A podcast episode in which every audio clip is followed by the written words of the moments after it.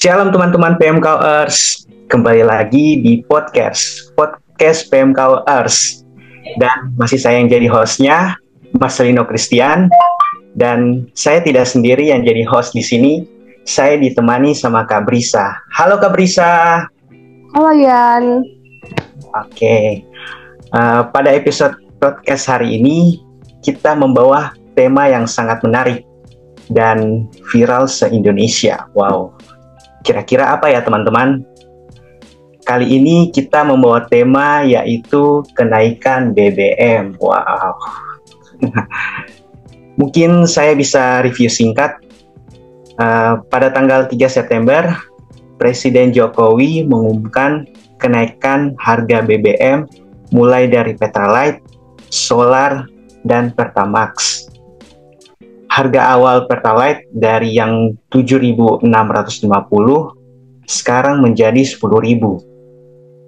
Harga awal Pertamax dari yang 12.500 sekarang menjadi 14.500. Dan harga solar yang dari 5.150 6.800 per liter. Dan kenaikan harga BBM itu membuat sebagian masyarakat Indonesia dan dan yang tidak terima kenaikan harga BBM tersebut. Terlihat dengan adanya demo penolakan harga kenaikan BBM yang dilakukan mahasiswa dan masyarakat beberapa tempat. Tanpa basa-basi, mari kita menyapa narasumber keren kita untuk membahas tema tersebut. Halo Karin. Halo. Gimana nih kabarnya Karin? Baik? Ya, puji Tuhan, baik. Oke. Karen, saya mau nanya nih Kak. Oke, silakan. Kan kemarin saya lihat mahasiswa Unhas mengadakan demo besar-besaran nih Kak. Hari ya. kemarin. Itu kemarin Karen ikut nggak di demo di demo itu? Iya, saya ikut. Uh, kebetulan karena saya uh, bagian pengaderan di lembaga, maka saya harus uh, mengawal adik-adik saya yang turun juga di aksi kemarin tanggal pada hari uh, Kamis ya. Oke, okay. uh, menurut pendapat Kak Ren, gimana sih isu kenaikan BBM? Bagaimana isu kenaikan BBM ini. Uh, yeah. Sebenarnya isu kenaikan BBM ini memang, memang sudah menjadi keharusan untuk naik loh teman-teman. Kalau uh, kalau teman-teman ingin tahu ya, uh, kalau kita baca dari anggaran pada tahun 2021 kan subsidi pemerintah uh, lumayan besar ya. Subsidi pemerintah yang lumayan besar di tahun 2021 uh, eh, diakibatkan oleh kesalahan pemerintah dalam melakukan pembacaan harga minyak dunia. Sehingga uh, pemberian subsidi di anggaran APBN tahun 2021 itu sudah lumayan besar. Nah, di tahun 2022 uh, pemberian subsidi itu uh, kembali dilakukan dalam jumlah yang lumayan besar karena pemerintah salah membaca harga minyak dunia di tahun 2022. Nah, di tahun 2022 itu uh, minyak dunia diprediksi sekitar 68 dolar per barel ya. Kalau saya nggak salah baca di data ini cuma ternyata peran Menteri Keuangan Bu Sri Mulyani eh, harga minyak dunia itu ternyata berada di angka 105, sekian dolar per barel.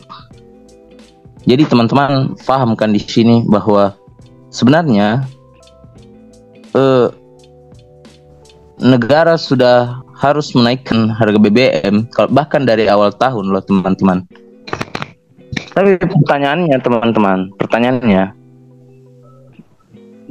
dengan sekian banyak ahli di pemerintahan, para ekonom dan orang-orang di Menteri Kementerian Keuangan, kenapa pemerintah dapat melakukan kesalahan dalam pembacaan harga minyak seperti itu? Karena harus kita melakukan pembacaan di ekonomi politik. Kita sudah bicara di di skala ekonomi politik bagaimana pemerintah bermain terhadap APBN dan subsidi. Tapi saya tidak saya tidak ingin berspekulasi ya teman-teman di, di untuk pembacaan ekonomi politiknya kita dapat lakukan uh, mungkin di sesi diskusi di luar dari podcast ini.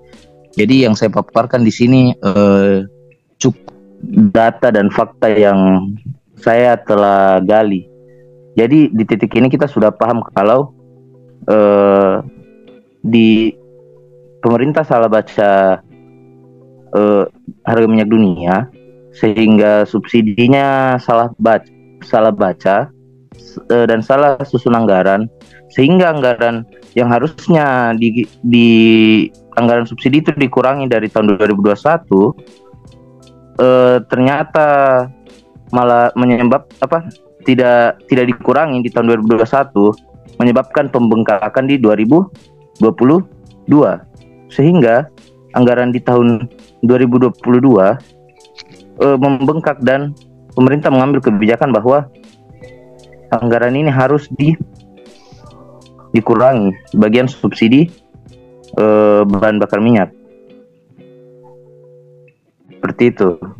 Selain itu, teman-teman, alasan pemerintah mengurangi subsidi BBM dikarenakan eh, pengalihan anggaran ke BLT atau bantuan langsung tunai atau bantuan sosial atau apa pun kita eh, bahasakan itu. Tapi permasalahannya adalah bantuan langsung tunai itu bersifat temporer, ya sementara. Dan bantuan langsung tunai itu tidak untuk semua kalangan, hanya untuk eh, kalangan-kalangan yang di dianggap tidak mampu. Sehingga BLT itu uh, dapat menjawab permasalahan kemarin. Karena kan kemarin pemerintah beralasan menaikkan BBM itu untuk karena selain harga minyak dunia yang uh, salah baca pemerintah juga melihat subsidi BBM ini tidak tepat sasaran di mana banyak kendaraan eh, yang pengguna kendaraan yang mampu yang mampu membeli Pertamax justru membeli Pertalite. Terbukti dari 70% pengguna kendaraan roda 4 dia membeli Pertalite ketimbang Pertamax. Seperti itu. Jelas? Hmm, jelas, Kak. Sangat jelas. Hmm. Sedikit tambahan di kenapa harga minyak dunia bisa naik. Teman-teman tidak bisa pungkiri pembacaan ekonomi politik kita tidak bisa lepas dari perang Rusia Ukraina. Rusia memegang 40% suplai e, minyak dunia dan sisanya e, sebagian besar juga suplai minyak dunia dipegang oleh Ukraina. Nah, konflik antara Rusia dan Ukraina menyebabkan uh, krisis minyak dunia dan melon sehingga melonjaknya uh, harga minyak dunia karena permintaan minyak dunia itu tetap naik teman-teman. Permintaan energi uh, bahan bakar minyak itu tetap naik, tapi suplainya berkurang.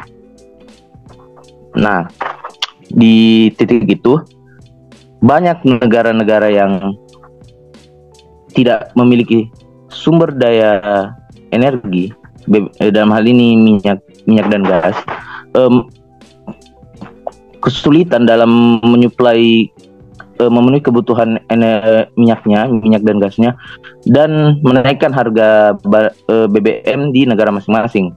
Kenapa Indonesia tidak separah itu, tidak separah negara-negara yang lain itu? Karena Indonesia masih memiliki pasokan minyak dan gas yang cukup karena Indonesia juga memproduksi Indonesia memiliki cadangan minyak domestiknya seperti itu jelas sangat jelas kak. uh, jadi yang ini uh, saya tanyakan lagi kak. Jadi ini uh, kak kak Rain uh, pro terhadap kenaikan BBM ini atau bagaimana kak? Saya pribadi tidak pro. Kenapa saya tidak pro? Karena begini ya teman-teman.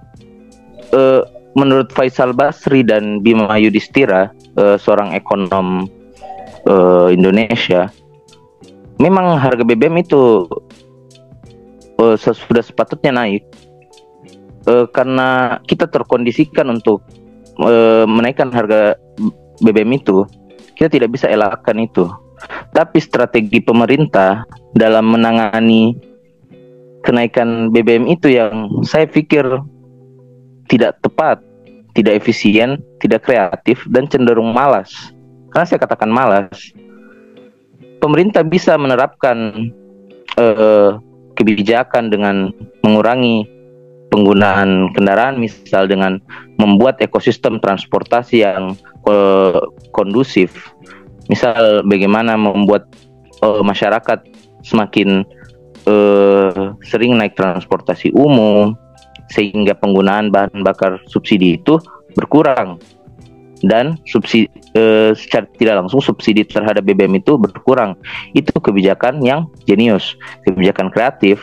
Mungkin pemerintah bisa melakukan uh, pencampuran BBM sehingga muncul BBM dengan uh, varian baru uh, dengan harga yang lebih variatif kebijakan kreatif. Tapi kebijakan malas seperti pengalihan subsidi BBM dan uh, kepada BLT itu kebijakan kebijakan orang malas teman-teman. Orang yang orang yang berpikir jangka pendek. Itu ibarat ibarat teman-teman ibarat teman-teman punya ember yang bocor teman-teman mengatasinya dengan cara uh, lakban. Teman-teman lakban ember bocor itu yang mungkin saja besoknya lakban itu akan tidak mampu menahan volume air hingga air itu bocor uh, ember itu bocor lagi. Seperti itu. Hmm, keren ya analoginya kak. Ya ini ini tapi teman-teman harus pikir kenapa dilarikan ke BLT apakah ini upaya untuk menaikkan citra politik? Dalam pembacaan ekonomi politik siapa yang memiliki sumber daya apa? Dan sumber daya itu digunakan untuk apa? Dan siapa yang diuntungkan dari kepemilikan itu teman-teman? Cobalah. Baca. Hmm, betul juga kak. Uh, terus ada lagi nih pertanyaan dari saya kak. Uh, untuk kalian sendiri sebenarnya apa sih dampak yang uh, benar-benar kalian rasakan dari kenaikan BBM ini Pertama inflasi. Teman-teman tidak bisa pungkiri itu. Uh, dari inflasi di mana uang-uang yang teman miliki dan saya miliki serasa berkurang nilainya karena bahan bakar minyak yang naik. Teman-teman bisa bayangkan dulu teman-teman bisa beli uh, mie di bawah harga 3000 sekarang uang teman-teman cepat habis karena uh, mie di harga 3.500 seperti itu inflasi. Dan lebih parahnya uh, inflasi ini menyebabkan uh, penurunan daya beli masyarakat. Ya karena uang sudah mengalami inflasi dari kebijakan moneternya sudah inflasi maka uh, kita sebagai masyarakat menurun daya belinya, kita semakin susah membeli bahan uh, biaya pokok. Kan kan kenaikan BBM ini tidak diseimbangkan dengan kenaikan upah. Misal gaji orang tua saya tidak naik, tapi harga bahan bakar naik.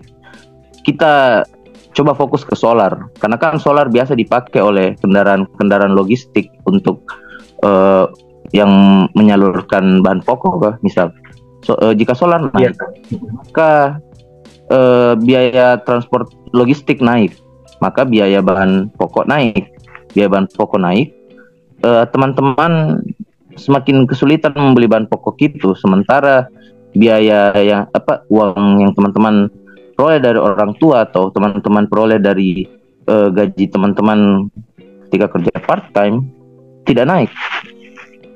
Analoginya seperti itu teman-teman. Inflasi menyebabkan penurunan daya beli se sehingga ada yang namanya paritas. Uh, paritas daya beli masyarakat menurun. Seperti itu. Dan efeknya, teman-teman, jika pemerintah membiarkan ini terus terjadi dalam jangka panjang kita bisa mengalami yang namanya stagflasi di mana terjadi inflasi yang terus-menerus sementara kesejahteraan masyarakat stagnan dan itu membuat masyarakat cukup menderita teman-teman seperti itu. Wah, dampaknya parah banget ya kak. Sangat uh, parah. Dari Ian mungkin masih ada pertanyaan. Uh, kalau dari pertanyaan dari saya, sebagai mahasiswa Kristen dalam menanggapi isu kenaikan BBM ini apa ya? Kita yang sebagai mahasiswa Kristen. Sikap sebagai mahasiswa Kristen, kalau saya melihat uh, bagaimana mahasiswa Kristen sekarang uh, ber bagaimana mahasiswa Kristen sekarang sebaiknya mahasiswa Kristen itu pertama harus belajar lebih dalam terkait bagaimana perekonomian itu. E, maksud saya teman-teman, e, kehidupan kita harus diseimbangkan antara bagaimana relasi kita dengan Tuhan dan relasi kita dalam masyarakat. Jadi teman-teman, eh, ini ya yang saya yang saya lihat ya sekarang eh, mahasiswa-mahasiswa Kristen itu cenderung kurang dalam mencari tahu suatu permasalahan entah karena mahasiswa Kristen itu tidak tahu memulai dari mana atau tidak tertarik saja mencari tahu itu. Itu itu problem kita sekarang teman-teman. Kita malas mencari tahu dan kita kenapa karena kita malas mencari tahu karena kita tidak tertarik. Padahal teman-teman harus pahami kebijakan-kebijakan yang teman-teman rasa mungkin tidak menyentuh teman eh, menyentuh kehidupan teman-teman secara langsung akan memengaruhi teman-teman di masa yang akan datang. Jadi saya meminta, saya berharap uh, mahasiswa Kristen dapat berpikir lebih kritis dan dapat uh, punya keinginan untuk belajar terus-menerus. Dan sebagai mahasiswa Kristen kita tidak bisa langsung langsung bilang pemerintah salah. Tetapi ketika ditanya kenapa pemerintah salah, uh, mahasiswa mahasiswa itu tidak tahu menjawabnya karena apa. Misal kemarin aksi, banyak yang turun aksi, tapi berapa sih yang paham apa yang mereka tuntut itu? Saya saya yakin hanya sedikit yang paham apa yang mereka tuntut di jalan itu. Makanya pesan saya untuk mahasiswa, mahasiswa Kristen, perbanyak belajarnya, kuatkan kajiannya, berhenti untuk abai berhenti untuk acuh, mulailah peduli dan mulailah tertarik dengan uh, lingkungan sekitar kita teman-teman. Belajar ekonomi, politik itu tidak salah karena seperti yang saya pahami menurut menurut Tiliarnov, politik adalah ilmu kepentingan. Selagi teman-teman selaku mahasiswa Kristen memiliki kepentingan dalam sosial masyarakat, teman-teman wajib untuk tahu politik itu bagaimana, ekonomi itu bagaimana, karena ilmu pengetahuan, meskipun ilmu pengetahuan itu berkembang, ekonomi adalah motif segala ilmu pengetahuan. Teman-teman berpengetahuan untuk memenuhi kebutuhan hidup teman-teman maka jangan pernah acuh, jangan pernah abai, belajar, perbanyak kajian, jangan asal menghakimi, pahami apa yang dituntut. Itu saya teman-teman. Wah, uh, pesan dari Karin sangat membangun banget ya Yan. Nah, uh, buat teman-teman pendengar sekalian, uh, menurut kalian gimana nih mengenai isu BBM? Tadi kan sudah dijelaskan sama Karin, uh, apa sih dampak-dampaknya dan kenapa bisa sampai uh, harga BBM bisa naik setinggi ini? Uh, terima kasih banyak Karin untuk ilmu-ilmu yang sudah di-sharing. Iya, sama-sama. Uh, Oke, okay. uh, jadi uh, sampai di sini dulu podcast uh, episode kali ini. Uh, buat teman-teman, uh, kami akan selalu kembali setiap hari Minggu di uh, minggu kedua dan keempat setiap bulannya. Uh, sebelum saya mengakhiri, kayaknya Ian mau nyampaikan sesuatu deh. Uh, mungkin ada pantun untuk sesuai dengan tema kali ini. Uh, pantunnya begini di dalam keranda ada mayat. Orang meninggal karena sembelit. Tolong dengarkan kalau kesal rakyat. BBM naik, ekonomi jadi sulit. Asik. jadi uh, cukup sekian uh, podcast episode kenaikan BBM. Uh, terima kasih buat Karen dan Ian sebagai host dan narasumber pada podcast kali ini. Shalom teman-teman.